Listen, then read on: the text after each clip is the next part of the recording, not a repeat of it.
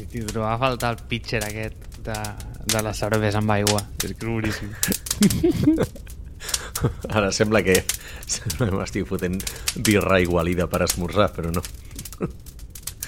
Sí, a les 10 i 13 del matí. No, eh.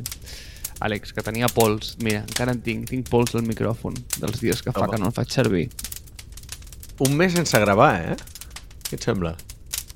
Però em sembla que et trobava a faltar, macho. És que, tio, te- te- te'n vas a les Amèriques i, i, i, i, em deixes aquí sol.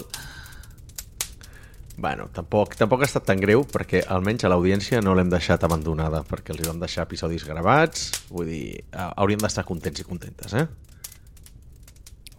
L'audiència se la cuida o sigui, com a la família. I més si ens passen feedback sobre, el, sobre els títols dels episodis i ens passen, ens passen coses tan boniques com els emails que ens, que ens fan arribar. Fins i tot tu, Marc, te'n vas, a, te'n vas a dinar amb un d'ells. Total, eh? És, és fort, eh? A mi és el que m'agrada, eh, del, del podcasting, és aquesta idea de que tu, com, com que pots donar amor... O sigui, tu tens una capacitat limitada de generar amor a la vida, jo crec. Això és una teoria personal, eh? Llavors, això ho pots repartir de moltes maneres, no? O sigui, tu pots donar com una miqueta d'amor a molta gent, jo així no funciono, aquesta idea no m'agrada gaire, en canvi, pots repartir aquesta quantitat com donant molt amor a poca gent. Aquest sóc jo. Això em defineix. Val, és com la teoria dels, dels, dels que els facts són limited, no? O sigui, tu coneixes el llibre aquell de, de Mark Manson, em sembla que és el uh, The Subtle Art of Not Giving a Fuck? Exactament. Aquell llibre em sembla una basura, però el, amb, si, és el típic llibre que és, un, és un, amb una entrada de blog ja hauria estat bé, perquè jo em vaig llegir una entrada de blog on el resumien i vaig dir, hòstia, això és brillant. Vaig comprar el llibre i, i vaig dir, quina basura de llibre, o sigui, acabo de perdre el meu temps durant 300 i escaig pàgines. Però bueno, bàsicament, per qui no l'hagi llegit, un llibre que diu que, eh, clar, és que és difícil de traduir el, el concepte de uh, to give a fuck, no? O sigui, com donar-li importància a les coses. I ell, bàsicament, l'autor ho resumeix com que els, els, els, els facts, no? les unitats d'importància, són com uns tokens que tu vas, unes fitxes que vas distribuint a la vida. Diu que quan som joves en distribuïm massa d'elles i aleshores que quan arribem a ser grans ja no ens en queden gaires i per això la gent gran fa coses que, bueno, que, que bàsicament estan de tornada de tot, no? I, i fan d'aquestes coses i dius, hòstia, però per què ho fa? Diu, és que no, ja no li importa res, no? Perquè ja s'ha gastat tots els tokens d'importància o de donar-li importància a les coses a la vida. Aleshores, diu, "Ma- és una bona pràctica vital el potser moderar l'ús o la distribució d'aquests tokens massa aviat a la teva vida i comença a triar on vols posar-li més fitxes i menys per tenir una, una estabilitat mental més, eh, més equilibrada, bàsicament. Però ja està. Dit això, no és eh, tampoc el, el tema central d'avui. No, però has donat un molt bon tip i és el de... Hi ha molts llibres que podrien ser un blog post, dir, això és sabut, vull dir, no, no, no no estem descobrint la sopa d'all aquí, però sí que és veritat que hi ha com una bona pràctica i és que hi ha molts llibres d'aquests que, evidentment, mira, mm, pots fer un mític xat GPT i dius, escolta, em pots resumir el llibre i ja ho tens, no? O el mític Blinkist, que, que també te'l resumeix, que, bueno, que jo, no- jo no sé com funciona aquest model de negoci també després de, de tota aquesta onada de, de models generatius, però és igual, eh, no és el punt. El que anava a dir és que hi ha molts autors d'aquests que surten en els mítics podcasts de placeholder, eh? Mític Tim Ferris, mm, mític Sam Harris, mític Joe Rogan, i fan com el tour i expliquen com les idees de, darrere del llibre. Tio, et, et mires un podcast d'aquests i ja està. O sigui, ja has vist el llibre. O sigui, és que ho descobreixen absolutament tot. Vull dir, tot, si vols com tots els punts, tal, que, ok, llegeix tal, però d'altra banda et diria que escolta tres podcasts d'aquests i estaràs molt tranquil a la vida. És una, Mm. és, és una bona pràctica. Eh? Jo últimament t'hauria de dir que ho estic fent, eh? Passo, passo olímpicament, després de... Jo ja m'he desintoxicat dels llibres de business, pràcticament no llegeixo cap, sobretot des de que vaig descobrir que, que que és això, que les primeres 80 pàgines són molt útils i després les altres 300 són palla i palla i palla. I gràcies a, a la teoria del nostre amic Carlos Villavieja, que ens escolta, que em va dir, diu, és que aquests llibres pensa que estan fets per MBAs, i els MBAs com funcionen? Amb casos, no? O sigui, no sé si es tradueix casos, els case, no? Que fan servir, eh, doncs fan, eh, els hi fan estudiar case, case, case, case, case, doncs bàsicament és un llibre que et presenta una teoria i després te l'exemplifica amb, amb, amb casos i exemples, i exemples, i exemples, i ja està. I són 300 pàgines d'exemples, per tant, 300 pàgines de palla, per tant, eh, pèrdua de temps absoluta la majoria dels llibres de negocis. No puc estar més d'acord i això que has dit per llibres de negocis, a mi a vegades també em ve al cap per MBAs, eh? perquè el tema del cas, o sigui, pagar 100.000 mm, pavos perquè m'expliquin un cas, a veure, igual me'n vinc a l'Startup Grind i m'escolto la mm, l'entrevista, saps? I, I fem un bon cas, també, no? Eh, i igual, igual crees una empresa tu. Exacte, sí, no? Tu i, et paguen, I et paguen a tu perquè et facin l'NBA, saps? Vull dir, però bueno. Tio, això ho he pensat tantes vegades de dir, a veure, o sigui, en lloc de gastar-te 100.000... Que entenc el punt, eh? Que ja, sí, que fas amics eh, i que et connecten molt bé, whatever. Eh, tio, en lloc de gastar-te 100.000 paus amb un MBA i gastar-te'ls amb una empresa, tio, o sigui, monta algo guapo, saps? Mm, no sé, mm, dona per... Dona per pensar-hi, però avui no havíem vingut a parlar d'això, tio. Havíem vingut a parlar de tu. És que avui és com que t'entrevisto, no? Perquè és com que l'Àlex torna de les Amèriques i llavors el Marc li diu «Ei, Àlex, mm, tio, eh, com que fot un puto mes que no parlem, mm, explica'm com t'ha anat, no? I, I ja aprofitem i fem un podcast. Eh, així que... T'has preparat preguntes o no? O sigui, o serà espontani? No, no, tinc preguntes. O sigui, tinc preguntes. Però, tens un, veure... tens un guió de preguntes. Et veig capaç, a veure, eh? A veure, Àlex, és que si, si no, no seria jo, no, no series fent el podcast amb mi. Vull dir, tio, això va de contrastos, evidentment. Eh, o sigui... Vinga, dispara. Vale. O sigui, a mi, primer de tot, m'agradaria entendre què, què collons vas anar a fotre allà. que és la, la primera. A veure, jo vaig cada any, des del 2013, perquè és quan vaig anar...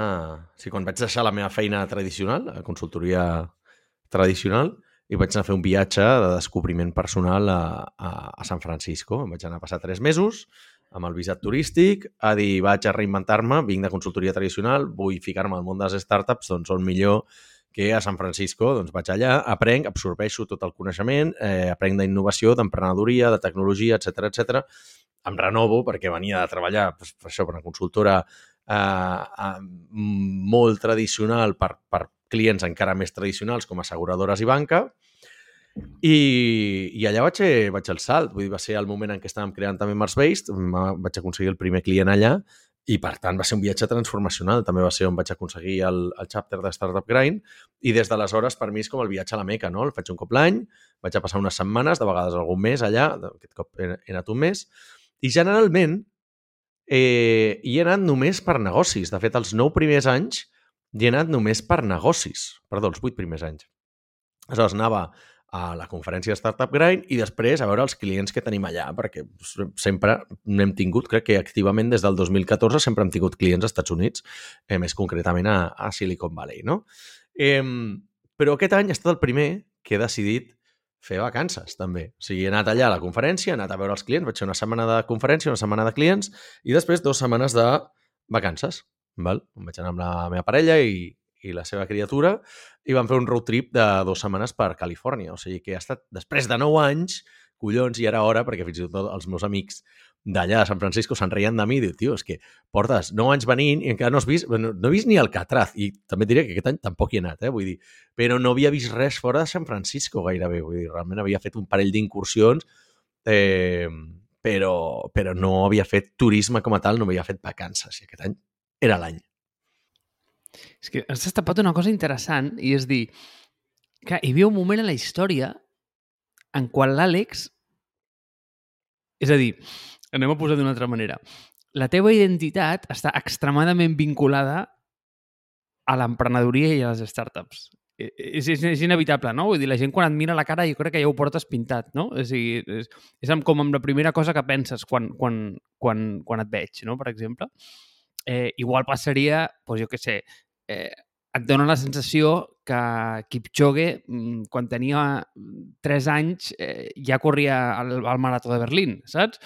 Eh, en canvi, Clar, hi havia un moment a la història en el qual l'Àlex eh, tio, era un outsider d'aquest món i, i, es va, es, i tenia que anar en bicicleta d'aquelles de, de, de, de rodetes i, i, i, i aprendre de què collons anava tot això. I això jo crec que té que donar com molta esperança a la gent en el sentit de que, tio, o sigui, ningú ha nascut après, saps? És a dir, que tothom ha tingut que passar una, una corba d'aprenentatge i estic d'acord, eh, que a vegades hi han coses que se't donen millor o pitjor a la vida i tens més facilitat per, eh, per enganxar-les que no altres. Eh, I mira, i, i et posaré un exemple. Hi ha, hi, hi ha molta gent que em diu joder, Marc, és que tu has corregut un munt de maratons, tal, no sé què, i pensava, bueno, pues que no sempre les he corregut, però clar, eh, també ho penso i, hòstia, jo el, la, la primera vegada que m'hi vaig posar em va sortir com molt natural. És a dir, eh, vaig agafar, i encara me'n recordaré, tio, l'any eh, 2011, crec que va ser, sense haver corregut en la meva vida, eh, perdó, la mitja marató de Sant Cugat, haver corregut una, una mitja marató, i, tio, i la vaig acabar amb un temps, però que, o sigui, no, no l'entenia ni jo. I cada vaig pensar, Marc, però, però tio, això se't dona com, com natural i llavors ja, ja vaig progressar cap allà. Eh, però, per altra banda, no ho sé, em fots a l'aigua a nedar i, hòstia, eh, estic d'acord que podria aprendre i, i, i, i, he, i he après, eh? Però, hòstia, sóc un tronc, tio. O sigui, se'm dona molt malament. Llavors, eh, tu creus que se't dona na natural aquest món? O sigui, creus que és per tu el, el, el teu... O sigui, com, com el teu playground, d'alguna manera, el teu sorral. Mm, no, perquè, perquè jo mai havia volgut ser emprenedor, tio. O sigui, o sigui, a mi, la història aquesta de oh, jo sempre he volgut emprendre, saps? Tot això, evidentment, com a, com a bon català, vull dir, la meitat de la meva família tots han tingut el seu negoci, però eren... Els emprenedors d'aquí són gent que té botigues, no ens enganyem, no té empreses. Val? Té botigues, que evidentment fa falta tenir empresa per tenir una botiga, però no són empreses tecnològiques, no? I la meva família hi havia empresa, però eren són botiguetes, no ens enganyem. Um, aleshores, tampoc és allò que diguis ho porto a la sang. I d'altra banda, doncs el meu somni, i ara queda molt impopular dir-ho el 2023, però, però jo sempre havia volgut treballar per Google. Vull dir, sí, realment la meva màxima aspiració de treballar per Google part del viatge d'anar cap allà, vull dir, era, era anar a veure com entrar a Google, saps? Vull dir, després de, després de, de, 7 mm, anys, 8 anys de consultoria tradicional, vaig dir, home, doncs vaig a provar a treballar per Google, perquè doncs, ja que vaig allà, i tenia el projecte de muntar l'empresa, que no sabia si aniria bé o no. Aleshores vaig dir, mira, eh, jo igualment començo a fer entrevistes de feina pel que sigui, perquè mm, potser això de l'empresa, doncs no, no sé, no li donava molta confiança i, i ja està. Però, eh, diguem, va tirar molt bé el de l'empresa i vaig decidir cancel·lar... Bueno, a Google eh, a Google, si no recordo malament, no em van agafar. Eh, però alguns altres processos que tenia així d'aquestes 7-8 entrevistes em vaig cansar i vaig dir, prou, saps? estic cansadíssim. Vull dir, quan portes 5 o 6 entrevistes, dius, tio, en sèrio, vull dir, aquests, aquests processos eh, calen, aquesta pèrdua de temps cal, aquest commitment. I res, com a, com a resum en aquest, no sé si és el meu pati d'escola, no sé si és el meu sorral. Mm, jo no ho crec. Ara, sóc una persona molt adaptable. És veritat que eh, jo sempre he considerat que sóc una persona que acompanya molt bé els projectes d'altra gent, però no és un líder, val? O sigui, eh, crec que aquest, el projecte de Mars Bates, per exemple, surt d'un dels meus dos socis, no? del Jordi, que sempre ens va estar allà com empenyent a mi, a l'altre soci, el Xavi, perquè creéssim l'empresa. Vinga, hem de fer una empresa, hem de fer una empresa. I vaig dir, bueno, va, m'hi sumo, saps? Però vull dir, però, però no ho lideraré, tot i que ho pugui semblar, perquè sóc la cara pública, eh, en realitat sempre, no sé, sempre he considerat que estic allà com acompanyant a, a un altre projecte que també m'he fet meu, no? Però vull dir que eh, sempre m'he sumat a, a projectes d'altres persones i crec que és on, on, on, on, on faig millor les coses que no pas les coses que he liderat jo generalment no han sortit bé, saps? Vull dir, I prova d'això és que pràcticament ningú coneix cap dels projectes que he tirat jo endavant perquè no han arribat no han arribat gaire lluny. Que se'm doni natural o no és una altra cosa. A mi sí que m'agrada parlar amb gent, saps? Dir, mm, durant el meu Erasmus vaig fer una transformació a nivell personal o abans de l'Erasmus, perquè vaig pensar, jo era el típic eh, desenvolupador que quan era jove doncs, eh, no volia parlar amb gent, completament introvertit, vergonyós i tímid, i que si es perdia pel carrer, no, abans a Google Maps, doncs no preguntava les direccions a gent, tornava a casa, o tornava a mirar el, al callejero de Barcelona, saps? Vull dir, i aleshores tornava a sortir al carrer eh, abans que preguntar-ho a una persona estranya. eh, vaig haver de fer un canvi personal perquè vaig dir, home, si vas a fer Erasmus, així no vas pel món, no? Eh, I aleshores, amb el temps he desenvolupat una sèrie d'habilitats socials que sí que m'han donat la possibilitat de poder liderar la part pública d'una empresa i inclús els esdeveniments Startup Brain, però prèviament haver cofundat SN a la Pompeu Fabra, no? una associació d'estudiants de, d'intercanvi, que, eh, vulguis que no, tot això acumulat segurament han creat la personalitat que tinc avui en dia i les capacitats que tinc a nivell empresarial. Per tant, m'hi trobo còmode? Sí. És el que més m'agrada? No ho sé, però se'm dona molt bé. Mm, no sé si realment és el que més m'agrada, saps? A mi m'agrada molt desenvolupar i no, no tinc temps per fer-ho, no és compatible amb el tipus de feina que faig. Per tant, de vegades, eh, com diuen por ahí, la, fe, la feina al CEO és 80% les coses que has de fer i 20% les coses que a tu t'agrada fer. Val? Aleshores, eh, doncs en, aquest, en, en aquesta balança no sé si la tinc repartida al 80-20, més aviat és el, potser és el, el 90-10, però, però bé, també també m'ho passo bé, eh? Ja, Àlex, però o sigui, hi ha com aquest diagrama de vent mític, no?, de lo que eh, t'agrada, se't dona bé i és valuós per a la societat i sí.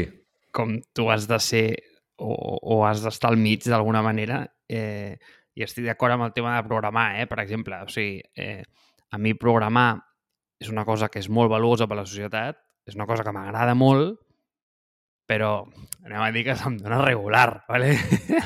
o sigui... et sé apanyar quatre coses, però, però, però a veure, vull dir, jo he vist grans programadors, val? Eh, també he vist grans corredors i jo no sóc ni un ni l'altre. Llavors has de dir, bueno, Marc, tu has de saber on, on, on ets bo, no? I, i, i on ningú et guanya. Llavors jo penso i dic, tio, on ningú em guanya? Tio, a mi?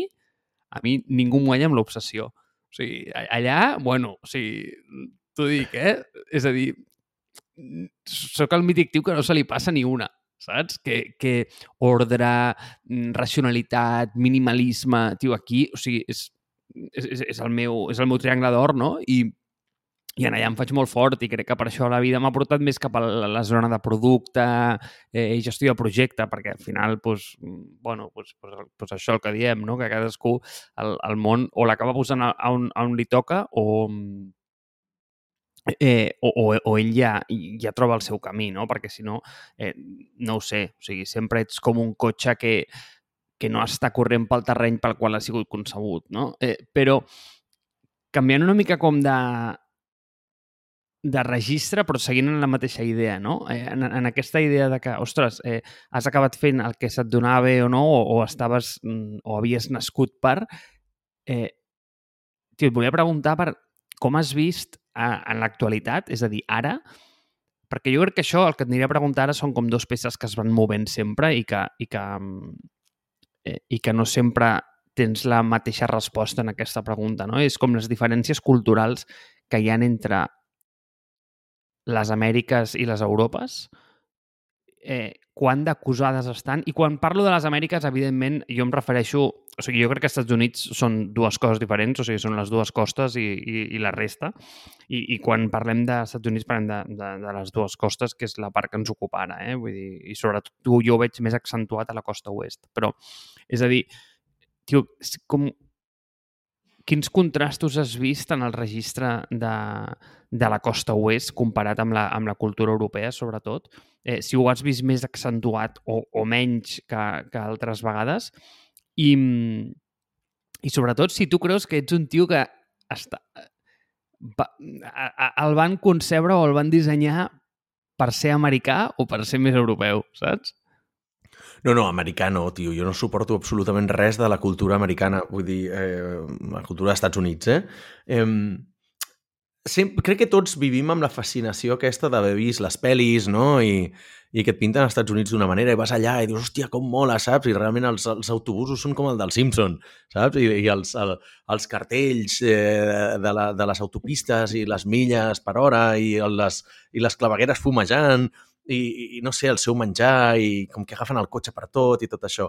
San Francisco, pel, pel que diuen, és la ciutat doncs, més europea dels Estats Units, pel que diuen, o una de les més europees, no? San Francisco i Boston, crec que és l'altra.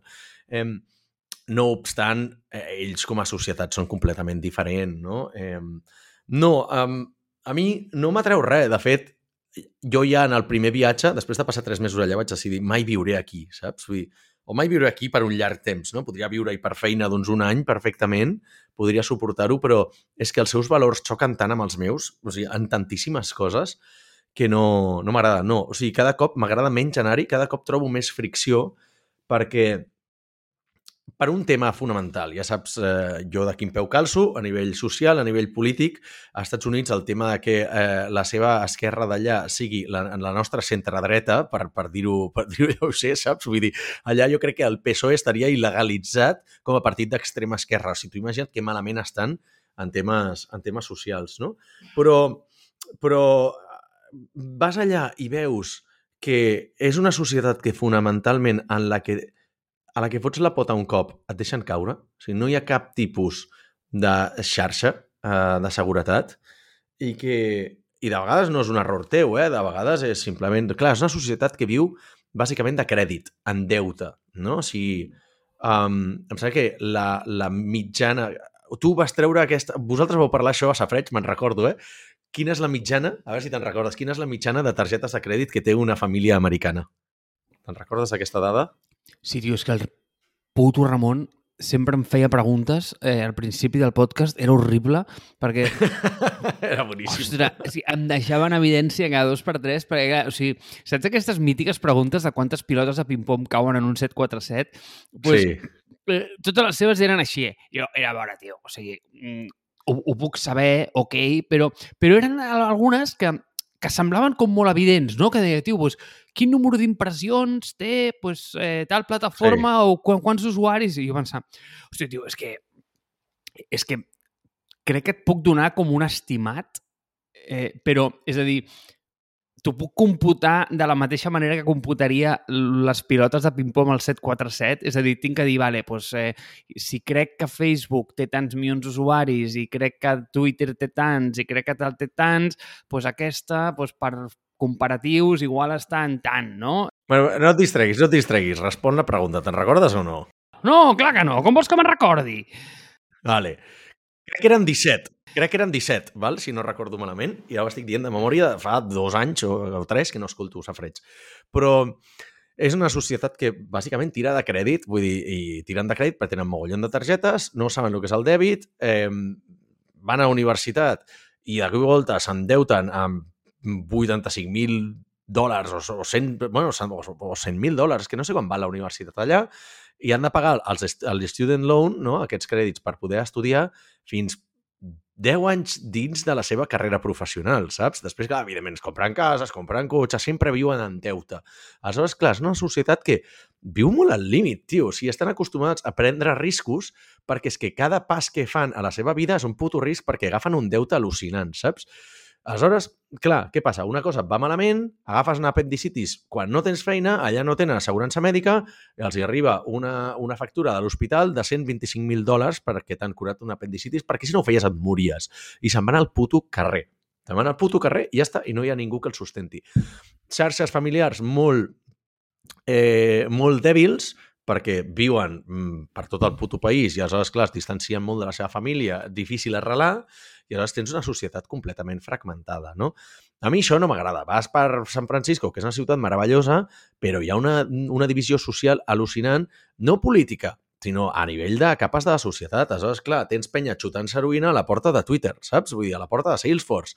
Tens, tens, tens, o sigui, tens barris que són sembla les faveles de Rio, saps? Vull dir, a una, una de les ciutats capdavanteres a nivell de... una de les ciutats amb més PIB de, de, a nivell mundial. Val? A mi això no m'agrada. No m'agrada una societat que ho permet, que ho tolera i que, sobretot, ho ha normalitzat. O sigui, jo inclús amb els anys m'he deshumanitzat en el sentit que vaig allà, ho veig i dic, hòstia, és que és part d'això, però no, no m'agrada. O sigui, passejar per San Francisco i veure el nivell de, el nivell de, de, de misèria humana que hi ha pel, pel carrer. Val? Aleshores, la gent ja ho té com a normal i ho accepten com a normal, no hauria de ser normal. Val? Aleshores, bueno, com a societat, una societat molt malalta. Aleshores, per mi això no m'agrada. Mm, si fos diferent, potser sí. Ara, m'agraden certes coses americanes, doncs com més aviat el, fol el folclore, la música, la cultura, no sé què. Sí, tenen un país de l'hòstia a nivell de natura, perquè jo ara ho he descobert fent eh, dues setmanes de road trip pels parcs naturals, veient sequoies, veient Death Valley, veient els llacs de, i les cascades de Yosemite. Sí, però, hòstia, a nivell de societat, tio, no, no, no, no compro gens. O sigui, europeu 100%. I a més et diré una altra cosa, tio. Saps quin és la gran avantatge que tenim els europeus respecte als americans? Sorprèn-me. Que no tenim desastres naturals, pràcticament, saps? Vull dir que allà cada dos per tres és...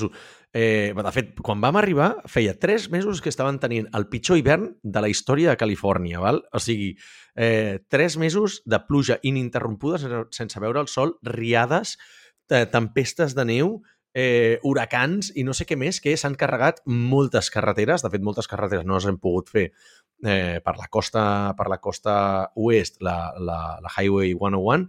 No hem pogut fer la meitat baixar fins a, fins a Fixur perquè estava destrossada literalment per, la, per les riuades la platja de Santa Cruz, desapareguda. El port de Santa Cruz, desaparegut, saps? Vull dir, és que estava tot trinxadíssim als parcs naturals, quan vam arribar a Death Valley, que Death Valley, o sigui, la zona, una, una de les zones més seques del planeta, eh, doncs s'havien esborrat la meitat de camins i el dia abans que vam arribar nosaltres van reobrir el 80% del parc, però quedava un 20 o un 25% que estava tancat perquè, per, com a resultes de, de, de, de les destruccions de, causades per la natura.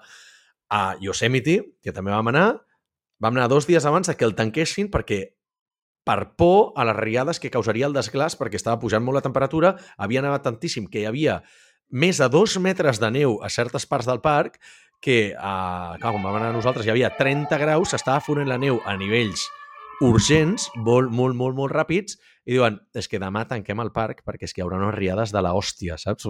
I ja està. O sigui, tu imagina't, això és el pa de cada dia quan vius a, quan vius als Estats Units. Segurament hi ha zones més tranquil·les, em consta que a certes zones, doncs, tipus Austin, doncs no tenen desastres naturals, però generalment, si no tens tornados, tens riades, si no tens riades tens sequera, si no tens terratrèmols, si no tens, no sé, inundacions cada dos per tres com tenen a Florida, no? Vull dir que realment és un... És difícil viure així, tio. O sigui, és molt difícil. Jo, a mi, a mi això no, no m'agrada tant de risc, tio. Soc una persona més aviat calmada i conservadora en aquest aspecte de la meva vida. Sí, no només això, eh, Àlex, però és que et sorprèn com aquí ja ens pensem que la societat està trencada i que hi ha una diferència brutal Què entre... Què va? No tenim ni idea. Això és de, de, de gent poc viatjada, Marc, ja t'ho dic jo. Clar. Sí, però és el pa de cada dia, no? Vull dir, tothom eh, ho, ho veiem, no? Vull dir, el, que, el, que, el que tothom diu, no? Ostres, eh, la classe mitja s'està anant a la merda, eh, s'està polaritzant molt la societat i, i és una realitat, però aquí estem jugant tio, les lligues amateurs d'això. És a dir, aquí encara el, el, model, el model social i anem a dir com aquest estat del benestar del qual tot ens queixem i, i tot és una merda i el que sigui, hòstia, mm, encara, encara està fent un favor aguantant una mica la societat junta, perquè tu veus els drames que ha allà que, ostres, penses en els Estats Units i dius, bueno, o sigui, és el, és el, el portaavions de la, de la societat, no? Vull dir, és com el màxim exponent de, del progrés eh, i, i el, el que tu vulguis, eh? Però, però clar, o sigui, inclús a les parts més afluents de la, dels Estats Units tens una societat absolutament trencada. És que és acollonant. O sigui, a mi, a mi em sembla brutal. Eh, jo no combrego gaire eh, amb, aquesta, amb aquesta literatura tampoc, és a dir, amb poc que no m'agrada molt l'intervencionisme estatal, també t'he de dir que possiblement ve de la mà de que no he viscut prou l'altra cara de la moneda. Però no ho sé, tinc, tinc, tinc, tinc dubtes sobre això. Tinc dubtes Allà és que és una societat que posen per sobre, però per sobre, eh? en totes i cada una de les situacions de la vida posen per sobre les empreses que les persones. Et dono un exemple molt estúpid, val? És molt estúpid, però és molt clar en la manera de, de veure com funciona. La gent allà, ja ho saps com són, no? Són, ah, no volen pagar impostos perquè, tot i que a Califòrnia són més, són més eh, potser més, com t'ho diria, més oberts en aquesta part i no tothom és un Uber capitalista, val? Però pel simple fet de no voler pagar impostos, tothom diu, ah, jo vull controlar on van els meus diners i no sé què, perquè, clar, l'Estat després s'ho gasta no sé quines merdes. Van, vale, ok, ok, vale. m'he fartat de veure una cosa que per mi és completament ridícula, que és el fet de pagar per adoptar una autopista. Val? Què vol dir això? O sigui, tu no vols pagar els teus impostos perquè millorem les infraestructures estatals per tothom, però vols poder tenir la possibilitat de pagar per, per adoptar un tram de l'autopista, que el tram de l'autopista porta el teu nom, val? i tu l'hauràs arreglat. O sigui, és un tema d'ego al·lucinant, saps? Aleshores, clar, què passa? Que això el que fa, fa, afavoreix sempre és un individualisme exagerat en el que la gent diu, no, però, veig, però prefereixo pagar això perquè sé on van els meus impostos, les meves taxes van aquí i, i jo he millorat aquest tram d'autopista. Dius, ja, però probablement això és tan completament ineficient que fa que hi hagi un trom de l'autopista que estigui molt ben parit i els altres estan completament abandonats, això passa pel teu ego, pel teu individualisme. Mmm, si tots pensem així, no arribareu a tenir unes autopistes en condicions. Tenen unes autopistes lamentables, Marc. O sigui, com a, jo aquesta narrativa el que, o sigui, el que més em rebenta als Estats Units és la narrativa aquesta, o sigui, que han aconseguit quedar-se amb la narrativa de som la primera potència mundial, quan tenen més problemes que pràcticament cap altre país del planeta, no? Aleshores, no ho sé, jo, mm, jo sempre els dic, eh, a mi no em convenceu. El problema és que la resta del món els hi segueix comprant aquesta història, no?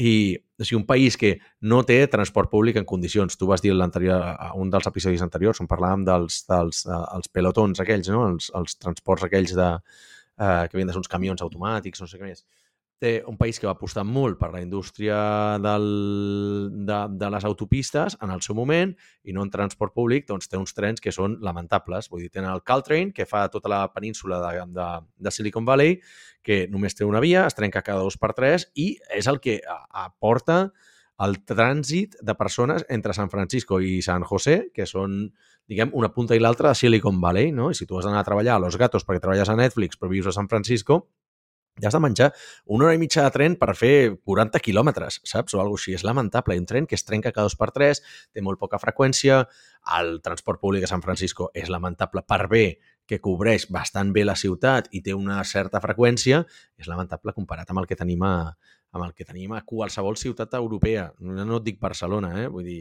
segurament el metro de Bilbao és 12 cops millor que el de, que el de San Francisco. Aleshores, clar, a mi, no sé, a mi em rebenta molt això, tio. Jo estic molt desencantat, però perquè hi he anat molt, no? Aleshores, eh, puc posar, diguem, l'accent crític sobre, sobre el seu model societari, però, hòstia, la majoria de gent que els idealitza és perquè no ha estat allà o no ha passat suficient temps, o potser hi ha anat una setmana a Nova York i ha vist Manhattan les parts més glamuroses, però no han anat a veure, no han anat a veure eh, les parts no glamuroses i, i no ho dic des del punt de vista de que has de viure allà per veure-ho. No, simplement ja només anant-hi per feina veus els problemes que té a nivell de societat, o sigui, al nivell de, de, de, de gent que viu al carrer, el nivell de, de drogues, inseguretat, etc etc i que no només està a San Francisco, estem veient altres ciutats com Detroit, Filadèlfia, Chicago, eh, Nova York, és, un, és un puto desastre. És un puto desastre. Per mi, per mi és la prova de que el capitalisme portat a l'extrem no funciona. No funciona. O sigui, és que patarà. Ja ha patat, eh? Vull dir, està patant. Però està patant a poc a poc, però, però acabarà patant. Mira, a veure si havies escoltat aquesta idea. Jo, jo quan la vaig escoltar em va semblar una de les coses més brillants que... com una reflexió de veritat, eh? que se'n va quedar per sempre. I és que era Chicago Sí, estava a Chicago eh, en una barca d'aquestes creuant un riu i ens estaven fent com un tour mm, un noi arquitecte i ens explicava eh, una mica l'arquitectura de Chicago, bueno, bla, bla, bla, vale? molt bé. Però va soltar una frase que, ostres, em va semblar com per emmarcar i perquè te la guardessis sempre. I era que l'arquitectura o sigui, la, la, el, els, és que la, no, no vull dir els gratacels, però l'arquitectura d'una societat o d'una ciutat és com la cristal·lització de la seva època daurada. És a dir, uh -huh. tu mires on està l'arquitectura més progressista i més vanguardista del, del moment i això que et dona? Et dona la societat que en aquest moment està tirant del progrés. Llavors, si et fixes, és que pas que als Estats Units viu molt de rentes, eh? jo crec que s'està donant ara mateix, i tu has apuntat, com aquest canvi d'ordre mundial, i és claríssim, crec que els Estats Units ja no és la potència dominant, ni molt menys, eh, però em refereixo a que si tu mires l'arquitectura americana i com han cristal·litzat aquells edificis, ostres, tot el que veus en allà són literalment edificis dels 50 i dels 60. És a dir, els, I d'empreses. Eh, sí, exacte, exacte. En canvi, tu ara i dius, ostres, què, què ha cristal·litzat això? Doncs pues, l'època daurada americana. L'època daurada americana van ser els 60s i els 70s. Eh, I, bueno, sí, van tenir la crisi del petroli, mil merdes, però vull dir, tio, després de la Segona Guerra Mundial, ostres, als Estats Units o sigui, es va menjar el món o sigui, i, i, i li van deixar menjar el món. I, i està bé, o sigui, no entrarem en per què o per què no. Però si ara mires, dius, hòstia, què, què està passant a nivell arquitectònic als Estats Units? Doncs pues, et diria gairebé res. Tu ara entres a la Wikipedia i mires com la llista dels edificis més alts del món i on s'estan construint i, A eh, list. o sigui, a l'Empire States eh, està al, al, al 37, eh? És a dir, eh, i no tens Sí. sí. ni, ni puta idea. O sigui, tens ni puta idea i encara veus el King Kong allà enganxat, no? Vull dir, tio, que veu molt del màrqueting, no? Però, hòstia, mires exacte, no, Àlex? I tu ara te'n vas, on estan aquests edificis, tio? Estan al sud, eh, al sud-est asiàtic, estan a Dubai, eh, a, a, a, tota la... A tota la part- a, sobretot a Xina també n'hi ha molts, eh, però yeah. veus que allà s'estan construint unes, unes autèntiques bogeries, però unes autèntiques animalades. I quan ho mires, dius, hòstia, però clar, jo encara m'he quedat amb la imatge de l'Empire State, però veus, jo crec que aquests tios, els xinos i, i, i tota la gent de Middle East i, i, i tota la gent més aràbica, crec que, hòstia, no són bons amb el màrqueting, tio. Que no fan pel·lícules. Han de fer pel·lícules, tio. Exacte, exacte. Anava, anava, clar, qui té, qui té la, la, la, la, potència mundial de, del cinema i qui controla la narrativa del, del màrqueting del món?